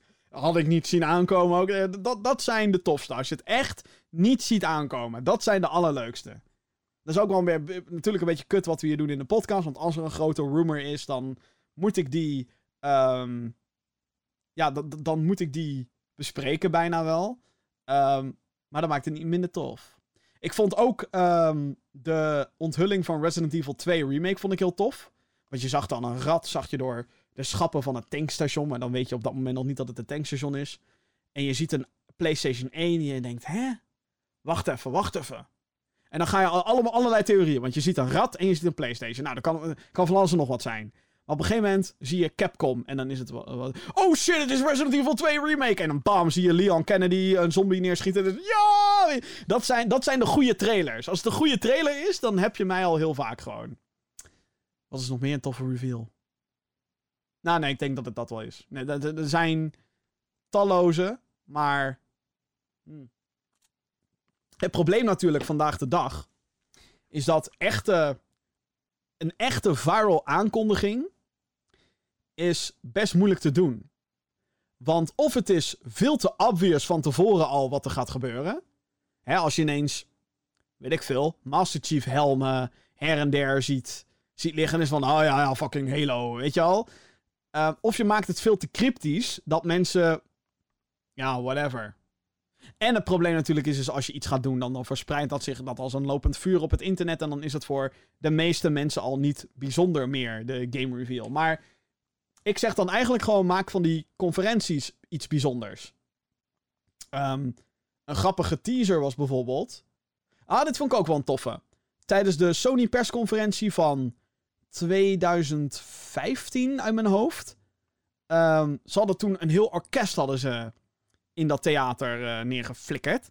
En dat ging dan meespelen met trailers en zo. God of War dan live muziek. Uh, Bear McCreary stond daar aan het roer van dat orkest. Was echt te gek. Um, en op een gegeven moment hoor je... Dan weet je, oh shit, Crash Bandicoot. En Sean Lennon kwam toen op het podium. En een paar maanden daarvoor had hij tijdens een ander PlayStation-event... heel toevallig een t-shirt aan met Crash Bandicoot erop. Waardoor mensen al zaten van... Uh, is dit een... Uh, is dit een hint? Of is dit een... Uh, of is dit een... Weet je al? En dan dat dat uiteindelijk dan de Crash Bandicoot en Saint Trilogy bleek te zijn. Dat was heel tof, vond ik dan. Um, dat vond ik ook een van de leukere. Volgens mij hadden de mensen van Hideo Kojima, hadden die dat ook niet gedaan? Van ja, we, we liepen gewoon met een Death Stranding shirt rond en niemand had het opgemerkt. En dan weet je dat je te cryptisch bent geweest. Dan, dan, dan denkt iedereen het zal wel. Dus ja, het blijft lastig. Marketing is best een lastig ding. Maar met een hele, hele, hele goede trailer kom je eigenlijk al heel ver. Goed, volgende mailtje is van... Uh, oh ja hoor, daar is hij weer. Helly, de Helminator, yo yo yo. Vaste luisteraar van de show. Komt ook altijd met interessante vragen. En is zeker vandaag ook weer het geval. Ehm, beste meneer Gamergeeks. Morgen, op het moment van opnemen, is het 5 mei en vieren we in Nederland onze vrijheid. Ondanks dat we thuis blijven, natuurlijk. Welke game geeft jou het ultieme gevoel van vrijheid? Kusjes, Helly. Hmm. Ik vind dit wel lastig, hè? En misschien klink ik een beetje eentonig. Maar Assassin's Creed is wel zo'n game. Waarvan je, oh ja, gaat het gewoon lekker doen. Wat je wil. Je komt natuurlijk dan eigenlijk vanzelf wel een beetje terecht bij dat open world gebeuren. GTA 5 is denk ik een game waarin je best wel vrij voelt. Omdat je kan doen en laten wat je wil. Je kan in een vliegtuig springen. Je kan uit het vliegtuig springen. Je kan tegen elkaar botsen. Je kan een beetje roleplayen, is wat de mensen nu natuurlijk doen. Je kan een beetje Team Deathmatch spelen. Je kan gewoon klooien met je autoradio. En op de PC kan je dan zelfs eigen mp3'tjes in dat mapje zetten. Zodat jouw radiozender... Ja, ja, je kan zoveel doen. Dus dat, ik denk dat Grand Theft Auto 5 op dit moment wel zo'n game is. Ehm, ik vond Skyrim ook altijd zo'n gevoel van vrijheid hebben. Zo wat, ga lekker doen wat ik wil. Uh, en tuurlijk, er is wel een main questline waar je uiteindelijk doorheen moet. Maar ja, heb ik geen zin in. Ik ga nu gewoon drie kwartier deze kant oplopen. En dat kon dan ook gewoon, weet je wel. Dus dat, uh, dat, dat zijn mijn, uh, mijn vrijheidsgames. Een uh, leuke, leuke vraag, Helly. Helly de Helminator. Podcast at. Ik zou zeggen, ik herhaal. Podcast at gaminggeeks.nl. Als je ook een mailtje hebt. Jeetje, Mina, er zijn allerlei mailtjes tijdens de show zijn bijgekomen. Ludwig die mailt. Hey Jim. Uh, even kijken hoor. Eerst en vooral wil ik jullie bedanken. Ik heb dit nog niet van tevoren gelezen trouwens. Eerst en vooral wil ik jullie bedanken voor jullie super toffe video's van de afgelopen maanden. Echt heel veel respect dat jullie ook tijdens de quarantaine blijven volhouden om ons, de kijkers, elke week weer een awesome podcast. Waar ik veel plezier in kijk. Dus oprecht, dankjewel. Dankjewel voor het kijken en het luisteren. Dat is het hele ding. Zonder um, de kijkers dan wel de kijkers van onze videocontent en de luisteraars van deze podcast. Um, zou ik het ook niet meer leuk vinden hoor. Oké, dat is niet helemaal waar. Ik praat heel graag tegen de muur. Oké. Uh, mailtje, mailtje, waar ben je? Oh ja, daar ben je. Uh, even kijken hoor. Uh, mijn vraag is deze week. Wat verwacht je als launchtitels bij de PlayStation 5? Hmm. Oei, dat is wel meteen een, heft, een heftige, heftig. Uh, launchtitels. Ik denk een Guerrilla game, dus uh, de, de, de studio die in Amsterdam zit. Of dat Horizon 2 is, dat weet ik niet. Dat durf ik niet uh, 100% te zeggen. Dat hij in de maak is, sowieso. Um, maar ik denk wel een Guerrilla game. Ik zou het te gek vinden als er een Resistance remaster uitkomt.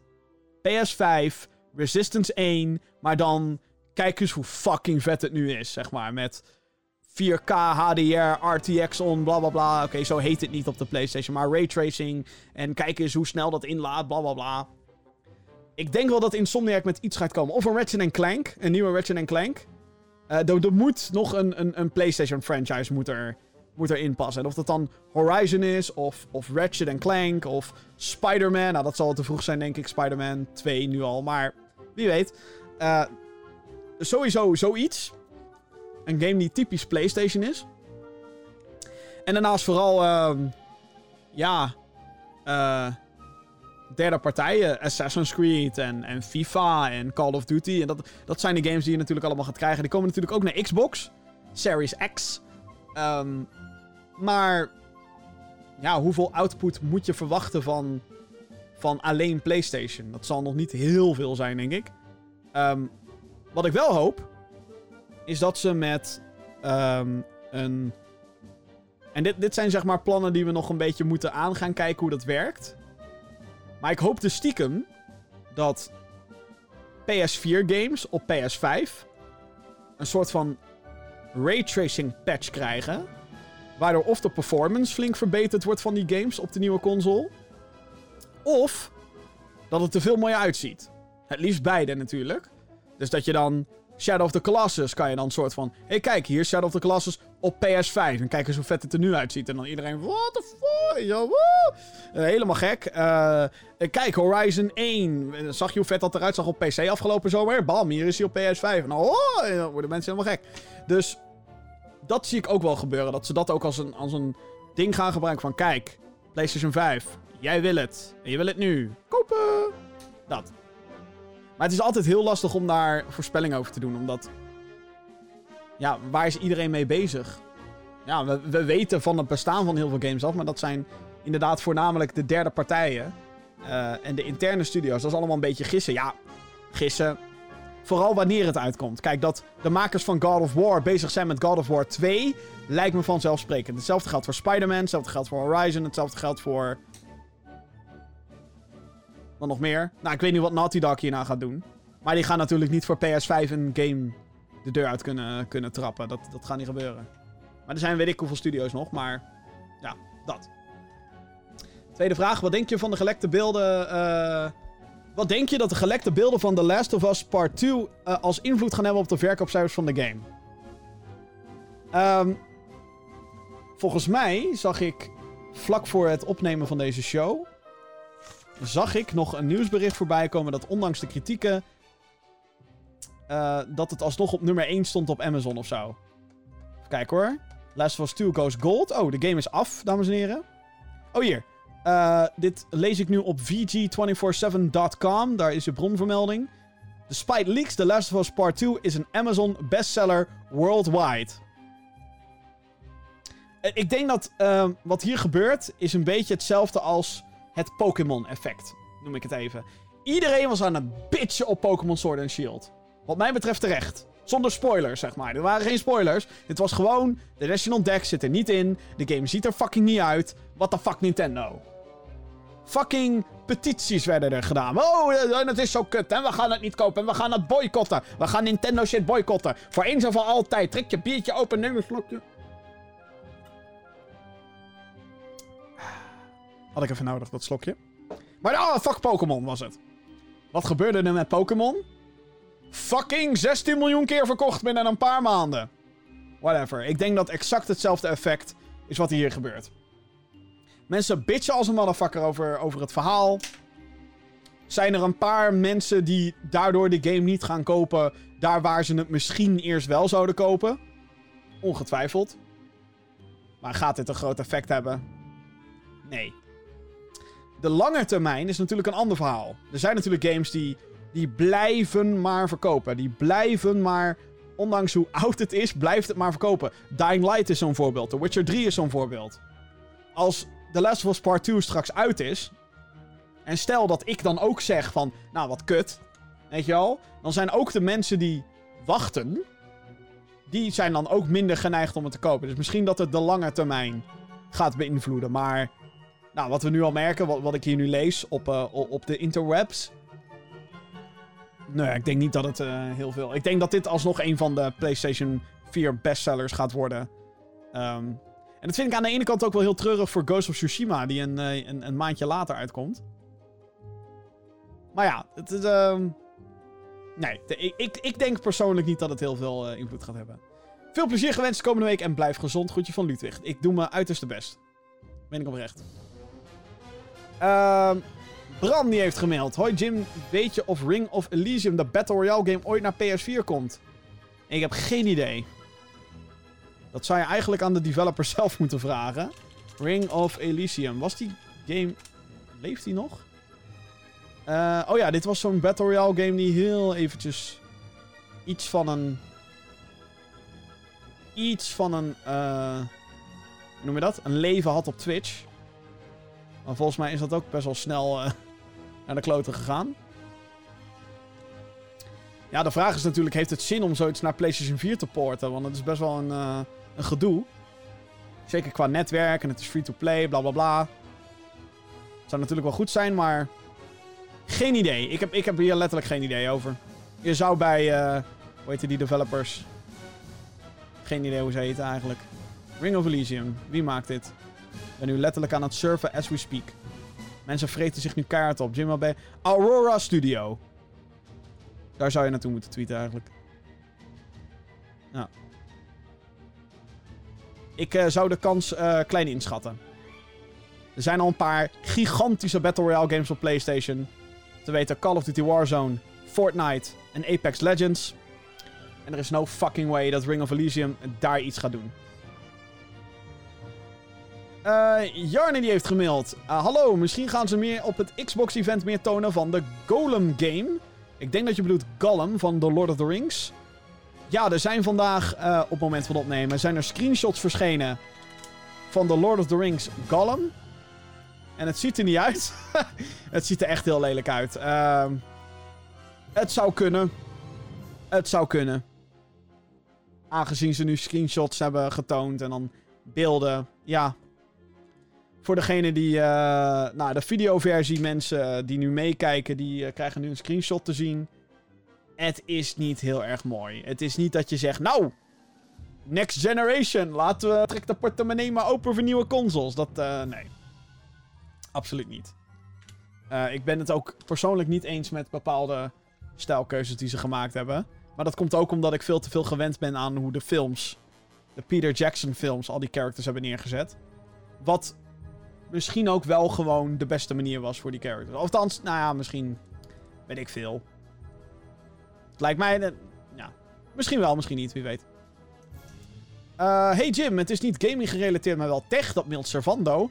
Heel veel Canon camera's, Canon camera's, geen sponsor is er nu een beta dat je via je USB-camera kan gebruiken als webcam.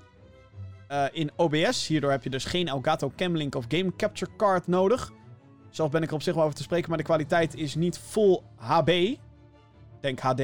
Maar voor streaming blijft het toch uh, beter dan elke andere webcam, vind ik zelf. Uh, ik weet niet welke camera je hebt, maar als je een Canon hebt, ga je dit dan proberen of niet? Als ik een Canon zou hebben, zou ik het zeker proberen. Maar die heb ik inderdaad niet. Dus ga je al.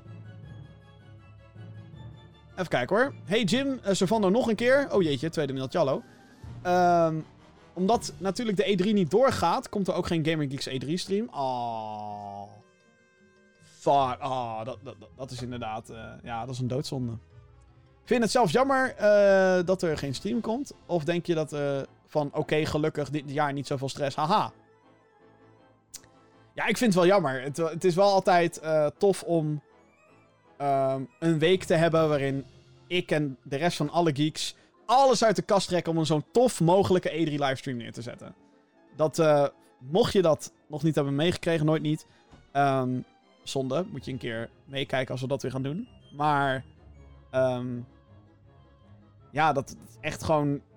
We hebben dan uh, een, een, echt een studio. Ik durf dat echt wel een studio-studio te noemen, weet je wel. Met een decor en lichtjes en, en we sluiten dan weet ik hoeveel camera's aan op één computer. En dat gaat dan allemaal poef. En elk jaar komt er weer nieuwe apparatuur op de markt, waardoor dat dan beter of makkelijker moet gaan werken. En dan zijn we weer helemaal hyped. En dan kunnen we, in plaats van dat we dan hetzelfde doen als het jaar daarvoor, gaan we nog meer dingen proberen. Nog meer gekke, gekke videoproductiedingen. Dat zijn allemaal gekke shit. Um, vind ik jammer dat we dat inderdaad, inderdaad dit jaar niet gaan doen. Um, dat wil overigens niet zeggen dat we helemaal niet live gaan uh, met deze events. Want ik zie geen reden waarom ik. Um, ook vanuit hier bijvoorbeeld, vanuit waar ik nu deze podcast opneem, mijn zolderkamer. Uh, waarom ik uh, niet in deze stijl ook commentaar kan geven op bijvoorbeeld een Inside Xbox. Of als EA met, met hun EA Play Live dinges gaat komen. Of Jeff Keighley hun shit gaat doen. Natuurlijk zou het tof zijn als we het een beetje in dezelfde stijl kunnen doen als onze reguliere E3-streams. Alleen we weten op dit moment ook niet wat er in juni wel en niet mag. En veiligheid boven alles. Ik hou me zoveel mogelijk aan het advies van het RIVM. Ik ga ook niet vrienden opzoeken als het niet nodig is. Dat vind ik ook heel kut, want oprecht, ik word helemaal gek in deze intelligente lockdown. Maar goed, dat is ook een beetje janken natuurlijk, want ik vermaak me heus wel. Maar um, ik mis mijn vrienden. Ik, ik wil mijn vrienden knuffelen. Ik wil met mijn vrienden naar, uh, naar het sushi-restaurant. Ik wil, ik wil naar pretparken toe. Ik wil weer met ze naar de bios kunnen. Bla, bla, bla, bla. Kan allemaal niet. En als het RIVM besluit, yo, in juni moet je ook gewoon zoveel mogelijk thuis blijven, bla bla bla bla bla. Dan vind ik het ook niet verstandig om die E3 livestream te doen. Dus. Of althans, om, om dat bij elkaar te doen. Dat betekent natuurlijk niet dat we dat, dat meerdere geeks niet naar een, een persco kunnen kijken en dat dan ook door kunnen streamen, et cetera, wordt het allemaal wat minder professioneel, wat minder eh, hype wellicht als dat je gewend bent. Maar we doen het allemaal, we roeien allemaal met de riemen die we hebben in deze situatie. Die, laten we eerlijk zijn, veel slechter kan. Eh, kijk maar bijvoorbeeld naar, eh, nou ja goed, waar we op de dag van de opname herdenken. Toen was het een stuk erger dan wat wij nu door, doormaken, laat ik zeggen. Laatste mailtje van vandaag is eh, van Rafael. Die mailt: Hallo, ik ben Rafael. Vraag me af, wat voor werk doe je naast YouTube? Nou, laat ik dit zeggen. Deze podcast en YouTube, dat is eh, geen werk. Of althans, ja, het, ik stop er heel veel werk in. Laat ik dat voorop stellen. Maar, ehm, kijk, werk is iets waar ik voor betaald word. En eh GamerGeeks kost mij geld. Maar ik doe met liefde. Ik vind het hartstikke leuk om te doen. Zeker als ik dan mailtjes krijg van... Oh, eh, leuk, leuk. Zo leuk wat je doet. Dan zit ik helemaal van... Oh, dankjewel. Gewoon echt dat. Ehm, eh, wat voor werk ik doe? Ik ben eh, social media manager bij Game Drive. Dat is een game marketingbedrijf. ehm, waar ik... nou ja, dat zit, normaal zit dat in Utrecht. Alleen nu zit iedereen thuis. Gelukkig dat, dat we nog door kunnen blijven werken. Want games komen nog steeds uit, dames en heren. Een paar hele toffe games ben ik daar bij via die weg bij betrokken. Vind ik heel leuk om te doen. Dus als ik het zeg maar heel lullig moet brengen, op een lullige manier, ik word betaald om te tweeten. maar niet vanuit mijn eigen account, maar natuurlijk vanuit de account van allerlei games en zo. Maar het is echt eh, heel uitdagend werk, vind ik het. Ik vind het eh, soms heel lastig, omdat je natuurlijk rekening moet houden met eh, een bepaalde game, het publiek daarvan en ook de, de, de tone of voice, zoals we dat dan zo mooi noemen, van ehm, de ontwikkelaar. Want ja, ik kan niet alles als, als Jim gaan tweeten, bijvoorbeeld. Maar dat is allemaal inside shit en het is, eh, ik vind het te gek. Maar dat is het werk wat ik doe. Verder ook niet, ja, verder ook niet echt van toepassing op deze show, maar dat geeft mij vaak wel wat eh, inzichten over hoe sommige dingen wel en vooral hoe sommige dingen niet werken. Met name hoe er gekeken wordt naar marketing van games. Daar wordt, vind ik, veel te negatief naar gekeken. Terwijl het een essentieel onderdeel is die... ehm, zonder goede marketing komt je game nergens, laat ik het zo zeggen. Anyway, dat zijn alle vragen die ik binnen heb gekregen via podcast.gaminggeeks.nl. Ik, eh, ja, het voelt een beetje als herhaling, maar alsnog... Heb jij een vraag voor de show? Mail naar podcast.gamergeeks.nl En daarmee zijn we eh, bijna aan het einde gekomen van deze 129ste aflevering van de Gaming Geeks podcast. Ik zag ook al wat mailtjes eh, voorbij komen voor een mailbox minigame. Ehm, die doe ik volgende week. Als ik daadwerkelijk een, een, een tweede, een, een co-host heb, zoals we dat zo mooi noemen. Een co-presentator. Want eh, ja, anders zit ik ook maar, ik vind dit. Volgende vraag, ik vind dit. En ja, dat heb je nu al bijna anderhalf uur gehoord. Dus dat lijkt mij meer dan voldoende. Bedankt allemaal voor de mailtjes, echt helemaal te gek. Ehm, nou, wat kan je nog verwachten op Gamer Geeks deze week? Nou, dames en heren. Wat ik al zei, er is een nieuwe maand aangebroken. Het is mei. En dat betekent dat er ook weer nieuwe games gaan uitkomen. En we hebben een prachtig overzicht voor je. Van onder andere de meest opvallende games van, afgelopen, of, eh, van deze maand. Deze maand, die gaan uitkomen. Dat heet Gamer Geeks Next, heet dat programma. Dat kan je natuurlijk vinden op het YouTube-kanaal. youtube.com slash gaminggeeksnl. Daarin komt er ook een nieuwe ASMR-sessie van Jordi. Die heeft al ASMR gedaan in Fortnite. Die heeft ASMR gedaan in Battlefront. In Battlefield. En eh, volgens mij gaat hij deze week ASMR doen in Halo. Dus ehm, dat is een video om naar te kijken. Ik ben ook bezig met reviews. Sterker nog, er ligt nog steeds een review op de plank van Elderborn. Deze, die ga ik deze week publiceren. Kan bijna niet anders, ligt er al weken. Schandalig. Maar de andere geeks zijn ook zo leuk bezig met nieuwe content. En dan eh, ga, heeft dat even voorrang op mijn eh, geneuzel. Want mij hoor je al veel vaak genoeg. In de podcast bijvoorbeeld. De podcast die je natuurlijk ook kan vinden op jouw favoriete podcastdienst. Zoals Apple Podcasts, Google Podcasts en Spotify. Eh, abonneer erop als je de audioversie elke keer wil ontvangen. Zodra deze uit is, dan krijg je die. En ehm, als je mij wil helpen, abonneer dan vooral op die shows. Abonneer op het YouTube-kanaal. Eh, maar als je een recensie kan achterlaten op je favoriete podcastdienst, doe dat dan ook. Daarmee help je ons heel erg om in de hitlijsten te komen. En hoe, eh, hoe hoger in de hitlijst, hoe meer luisteraars, hoe meer luisteraars, hoe leuker, hoe leuker de vreugde, hoe meer zielen. Hoe meer zielen, hoe meer vreugd. Hey! Zeg maar, het hele, hele riedeltje is gedaan. What? Dus ja. En daarmee wil ik je eh, nogmaals heel graag bedanken voor het luisteren naar deze show. Dit was de Gaming Geeks podcast. Graag tot de volgende keer. Later.